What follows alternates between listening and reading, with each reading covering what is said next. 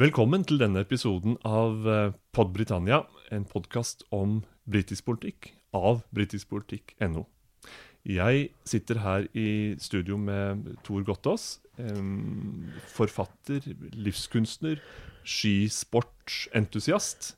Og det ligger også til grunn for en litt spesiell episode av, av denne podkasten. Det er fredag før Holmenkollsøndagen, og vi skal rett og slett snakke om skisport og litt om Storbritannias, eller briters, forhold til skisport, og hvilke forskjeller man finner mellom trauste nordmenn og den, det britiske syn på eh, halsbrekkende øvelser med, med ski på beina. No, no, no. What we are asking is for a very large amount of our own money back. The choice is in your hands. Meaningful vote. We had it in the referendum on 2016.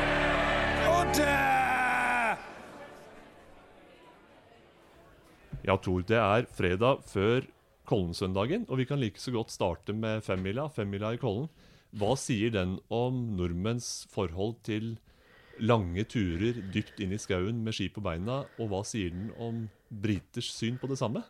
Sporten heter jo langrenn, og verdens første femmil ble arrangert eh, 7.2.1888 fra Majorstua. Og vi vet jo at det, det begrepet her, skisport, var jo ikke noe nytt i Norge. Men det her med sport, det var noe som kom fra England. England var verdens rikeste, rikeste og største makt. De, de hadde spredte impulser over hele verden. og eh, det å drive idrett, sånn som organisert idrett, det, det var noe som kom fra England og Tyskland til Norge da i andre halvdel av 1800-tallet. Så, så det er klart at eh, det er en influens fra England.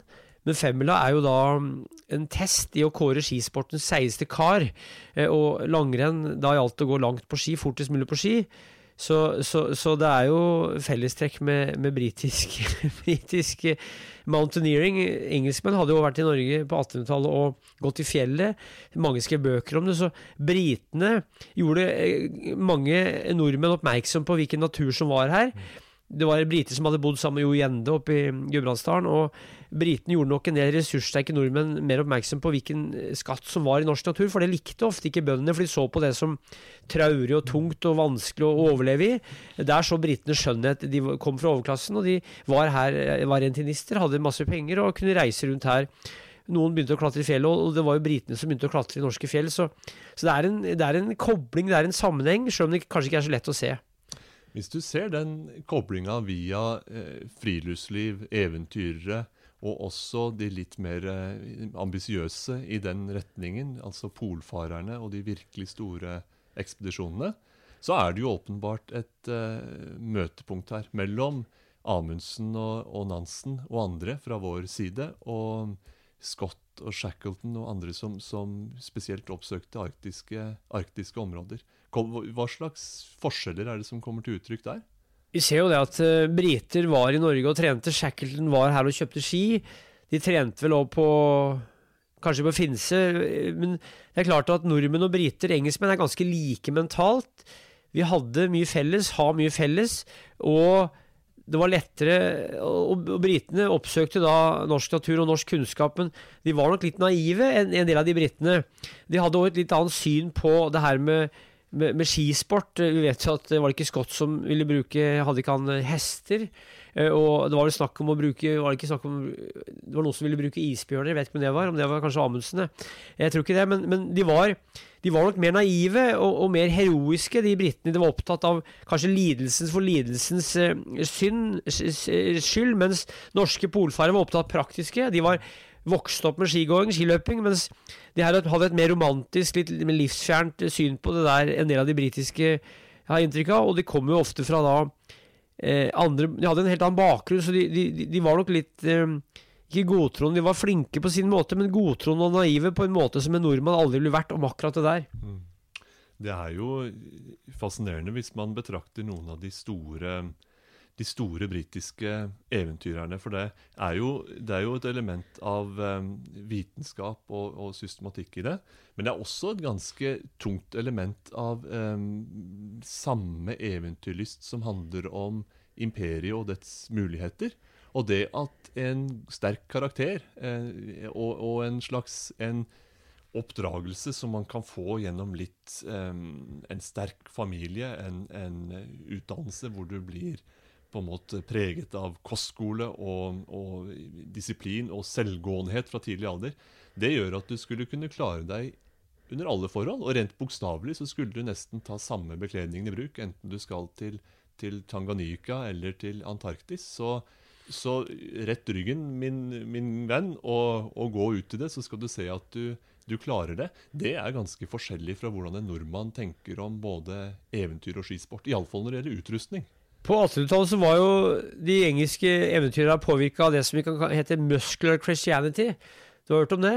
Det var en retning hvor du skulle være, du skulle være sportslig, du skulle være kristen, og du, de ble opptrådt da i kostskoletradisjon med, med idrett og herding og øvelser og England er jo et ganske kjølig land. De gikk gjerne i kortbukser hele året. Eh, og det var De det var, samme kortbuksene i India også, vet du. Hvis Ja, ble sendt dit. Jeg vet det. Og, og, og nordmenn hadde vokst opp under helt andre forhold. Ikke i det samme klassesamfunnet som, som det engelske. Og de norske pol, pol, forferdene var jo tilhørte overklassen, men de hadde jo lært av underklassen, av arbeidsfolk, av husmannsfolk, av samer. Så, så de var mye mer villige til å lytte til praktisk kunnskap fra de som faktisk hadde levd og de som gikk på ski.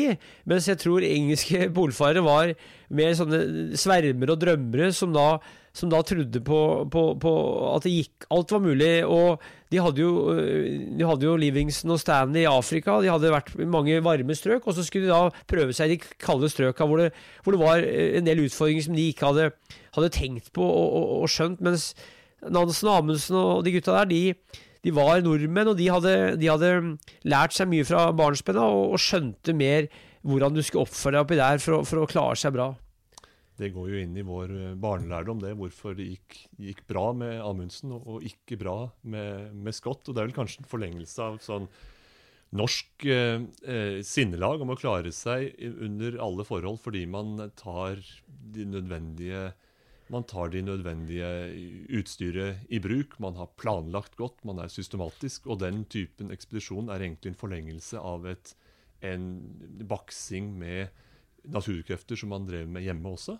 Ja, altså det her å Det er ingen skam å snu, er jo et sånt råd, men vi vet jo det at uh, du kan se det nå i norsk fjellheim. Hvis du hører om en turist som får problemer, så er det ofte en tysker eller en danske som ikke har tatt på seg noen klær, eller som kanskje gjør noe dumt. Så de hadde en annen respekt for naturen, tror jeg, de her eh, norske gutta. Og jeg tror ikke britene hadde den samme respekten eller kunnskapen, dybdekunnskapen om det.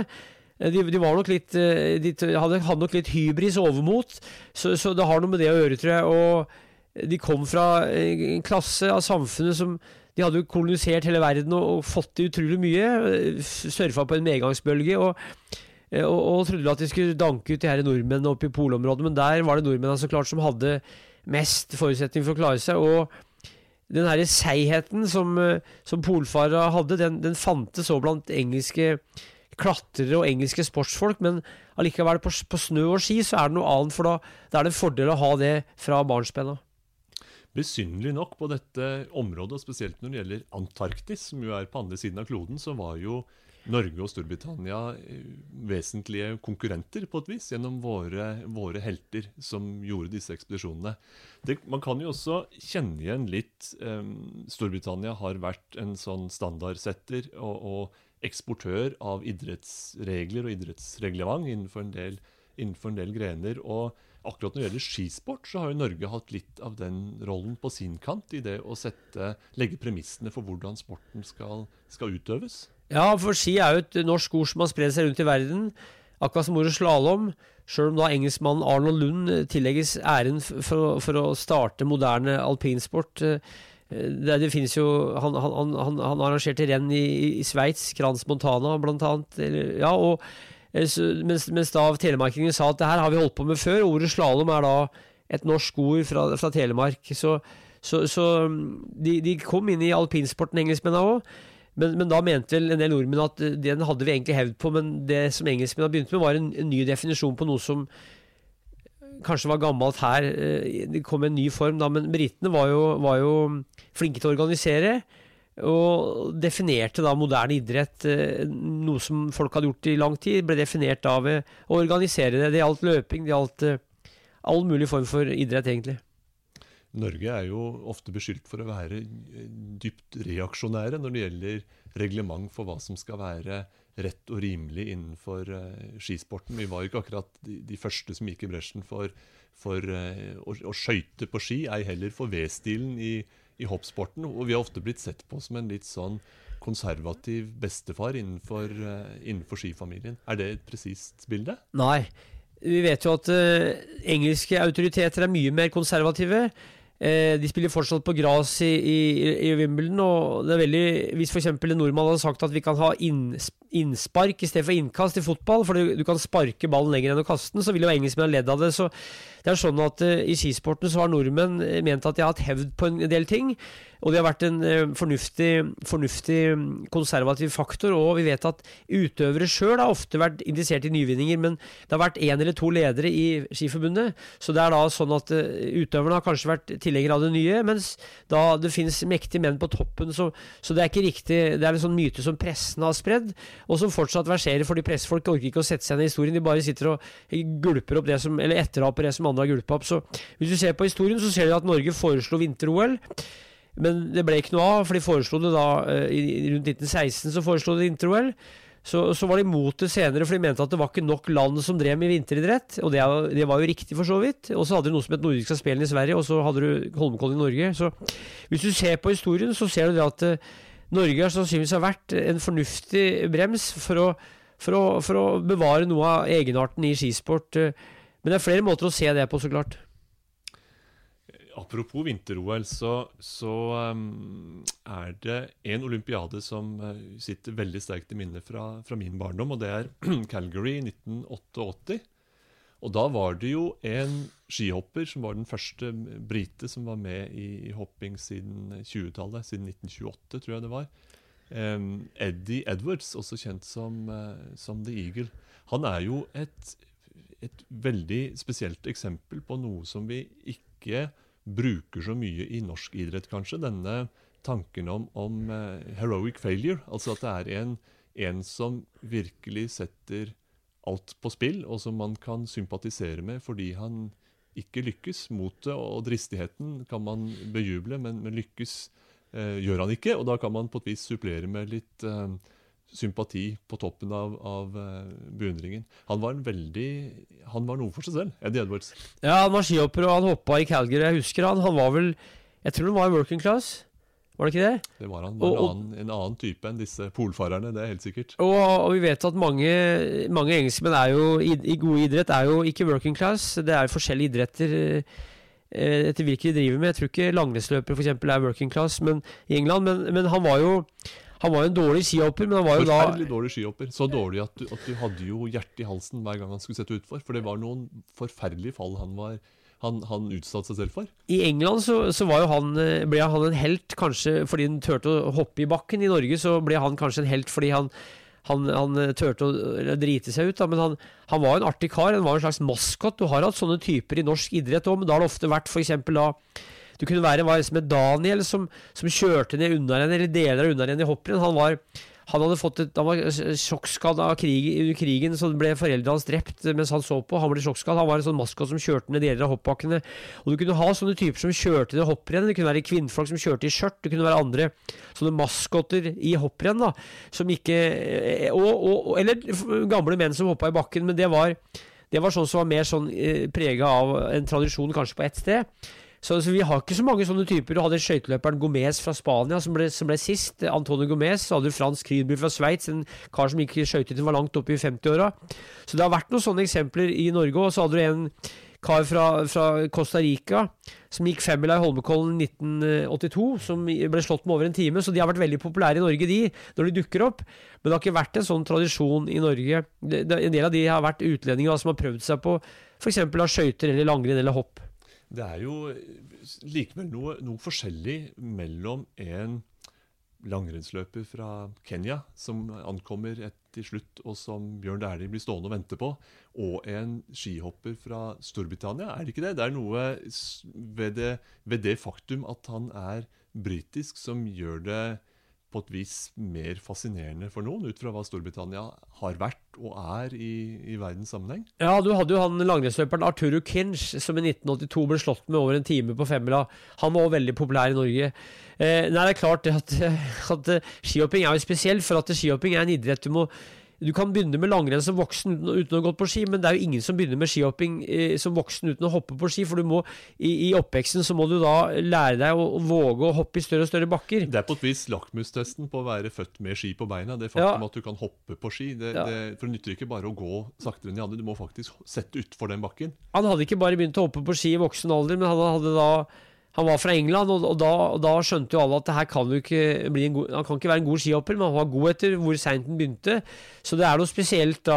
Så han, han, han var jo da Han var jo da eh, Fikk jo da en sånn maskotposisjon, og han gjorde vel sikkert mye han for hoppsporten internasjonalt, men det er riktig det du sier. Det, det er spesielt da med eh, Vi vet jo at norske hoppere dro til eh, hoppa på Wembley på 60-tallet. De lagde da hoppbakke. Det var 20 000 tilskuere. De lagde da hoppbakke med tilkjørt snø da på Wembley. De hadde hoppa opp i Edinburgh. Så det har vært norske skihoppere i England da, og Skottland i 50- og 60-åra, men det har jo ikke ført til at eh, noen briter begynte å hoppe på ski. Så det var jo null, eh, sannsynligvis null aktive skihoppere i England da Eddie begynte å hoppe i 1988. Noen langrennsløpere var det. Så det var veldig spesielt. og det nordmenn visste om engelsk skisport, det var kanskje at noen hadde møtt noen soldater på Nordseter som lå og trente. For det har vært en god del engelske langrennsløpere her gjennom åra som har trent til langrenn. Soldater. Det var det jeg visste mest om før jeg så Eddie Eagle. Langrenn eh, også med, på, på Nato-plank eh, som soldater, det er jo tregt, men og på et vis altså Det er saktegående. Um, og så er det eksotisk, men det er jo ikke farlig. Men, eh, men hoppsporten er farlig. Og det passer litt inn i et, et bilde, har jeg inntrykk av, i, i Storbritannia av skisport som noe halsbrekkende og, og, og dødsens skummelt. eh, Alpinsporten eh, inkludert. Er det, et, eh, er det noe særegent, eh, vil du si, fra britisk perspektiv, eller er det noe som mange tenker om skisport? At det først og fremst er, en, at det er potensielt uh, meget farlig? Da hoppsporten begynte Vi, De regner med at folk har hoppa på ski hundrevis av år, men i 1808 så hoppa Olav Rye da, fra Telemark, og det regnes som det første skihoppet. Men vi vet at da hoppsporten ble populær i Norge i slutten av 1800-tallet, så, så var det veldig mange som ikke lot unga sine hoppe, for det var farlig. Vi vet at over halvparten datt jo da i store renn i Holmenkollen og sånn, og vi vet at mødre leste fader vår, for de var redde for at hvis ungen datt, så kunne den brekke beinet. Så skihopping i begynnelsen, eh, og egentlig og fortsatt i 50-, 60-, 70-åra, 80-åra òg, mindre etter hvert, ble betegna som veldig farlig. Så det, var, det å se på fall var en del av moroa. Så skihopping har alltid vært sett på som farlig. Men da vi kommer til 80-åra, så har du jo hjelmer. De, de har helt annet utstyr, så det er mange færre som faller. Hadde du gått da et skirenn da 50 år før, så ville kanskje tredjeparten ha falt, eller fjerdeparten ha falt. Så da var elementet av farlig mye viktigere, men da hoppa de ikke så langt. Så, så, så Eddie han, han kom inn da Sånne som han fantes det mange flere av da i hoppsporten i 1920-åra, 1910-åra. Eh, men du hadde fått luka bort de, for hoppsporten var ikke massesport på samme måte i Norge. Så, så han var da eh, egentlig en representant for en type som fantes da i sånne mor morsomrenn, eh, gubberenn, eh, sørperenn, påskerenn, vårrenn. Da, da, var- det sånne typer som satt utfor da, eh, kanskje litt med alkohol i kroppen. Så han er egentlig en sånn norsk type òg, men han er jo spesiell fordi han er britisk. Det er vel slik at også Ruud-brødrene ville visst et og annet om det å være gren i grenseland til, til sirkusartist også, iallfall i måten eh, hoppsporten kunne promoteres og, og eksporteres. Og der sto vel kanskje Eddie the Eagle i litt sånn pussig tradisjon. Han gikk jo også videre til å bli stuntmann etterpå, vet du, etter å ha fullført denne hoppkarrieren. En som kunne overraske og underholde og, og nærmest være som om, han, eh, som om det var sirkus som var hans bransje. Ja, det er riktig det. Altså, han hadde jo Skihoppere opptrådde på sirkus. De, de dro over til New York og England og London og hoppa innendørs da i 1910-1912. Nordmenn gjorde det. Eh, forskjellen fra Ruud-brødra og Eddie Eagle var jo at Eddie Eagle var, var jo veldig uelegant eh, skihopper. Han var ikke noen god skihopper. Så da fikk du kanskje en, eh, en annen type stuntmann. Men En annen type skrekk også. ja, ja, annen type skrekk. Altså, folk var jo redd med han. Eh, på en måte, og, og engelskmenn har jo ikke noe forhold til skihopping, eh, vil jeg tro. Så de var kanskje redd på en annen måte da enn en nordmenn, og syntes det kanskje var mer imponerende. Eh, jeg syntes det var imponerende av Eddie Gill, som turte og ville. Så nordmenn skjønte det kanskje på en litt annen måte, da. Og tolka han på en litt annen måte enn det engelskmenn gjorde. Så han var eh, Men det var jo en måte å få Han skapte seg vel et navn, og det klarte han. Og Det det, det var på ganske, en ganske spesiell måte. Du har vært inne på dette med, med klasse underveis, også i lys av de gamle eh, oppdagerne og, og eventyrerne. I dag gir vel klasse seg litt utslag i at eh, skiferier for briter er noe man forbinder med litt glanset papir, og gjerne utfarter til Alpene, og at det er noe som er forbeholdt eh, øvre, øvre sjiktet i samfunnet. Der er det jo tross alt vesentlige forskjeller fra Norge, hvor skisport er og har vært folkesport. Ser du noen endringer i det i dag? I Norge så er det jo sånn at eh, ski ble jo kalt husmannens hest på 1800-tallet, for det var jo rikfolk, de gadd ikke å, gå på ski hvis de kunne kjøre slede. Og de beste langrennsløperne var jo da gjerne fattige, for de hadde vokst opp under skrinne kår og var sultne på å gå på ski. Men det har vært en folkesport, ja. Eh, Det er fortsatt en folkesport. Eh, I dag er det ganske ressurskrevende for å ha unger som eh, går, går langrenn, men men vi vet jo det at For å ta England, som jeg kjenner litt til der, så, så, mange, så må jo folk da gjerne dra på en ferie til Sveits for å kjøre på ski eller gå langrenn. Og jeg har jo møtt britiske familier som da drar til Norge i jula, f.eks. Jeg traff en familie med fire unger fra London. eh, For et par år siden, De skulle på Sjusjøen og gå på ski da i åtte-ti dager. og Jeg spurte Jo, mannen jobba, jobba i The City, kona var husmor. De var upper class, da. Og de, de dyrka langrenn da som en fritidsaktivitet og dro da til Sjusjøen. Så det finnes jo noen engelske eh, i overklassen tror jeg, som går langrenn på den måten. her. Jeg har møtt skotter på, på, på, på Sjusjøen. Så, så, så, så, jeg tror det at eh, alpinferier i England, det kan nok kanskje eh, ta med seg noen fra litt, eh, litt lavere klasser, kanskje. Mens, mens, mens, mens eh, og langrenn tror jeg, det tror jeg er en overklasseidrett i England, med de få som driver det, sånn som jeg kjenner det.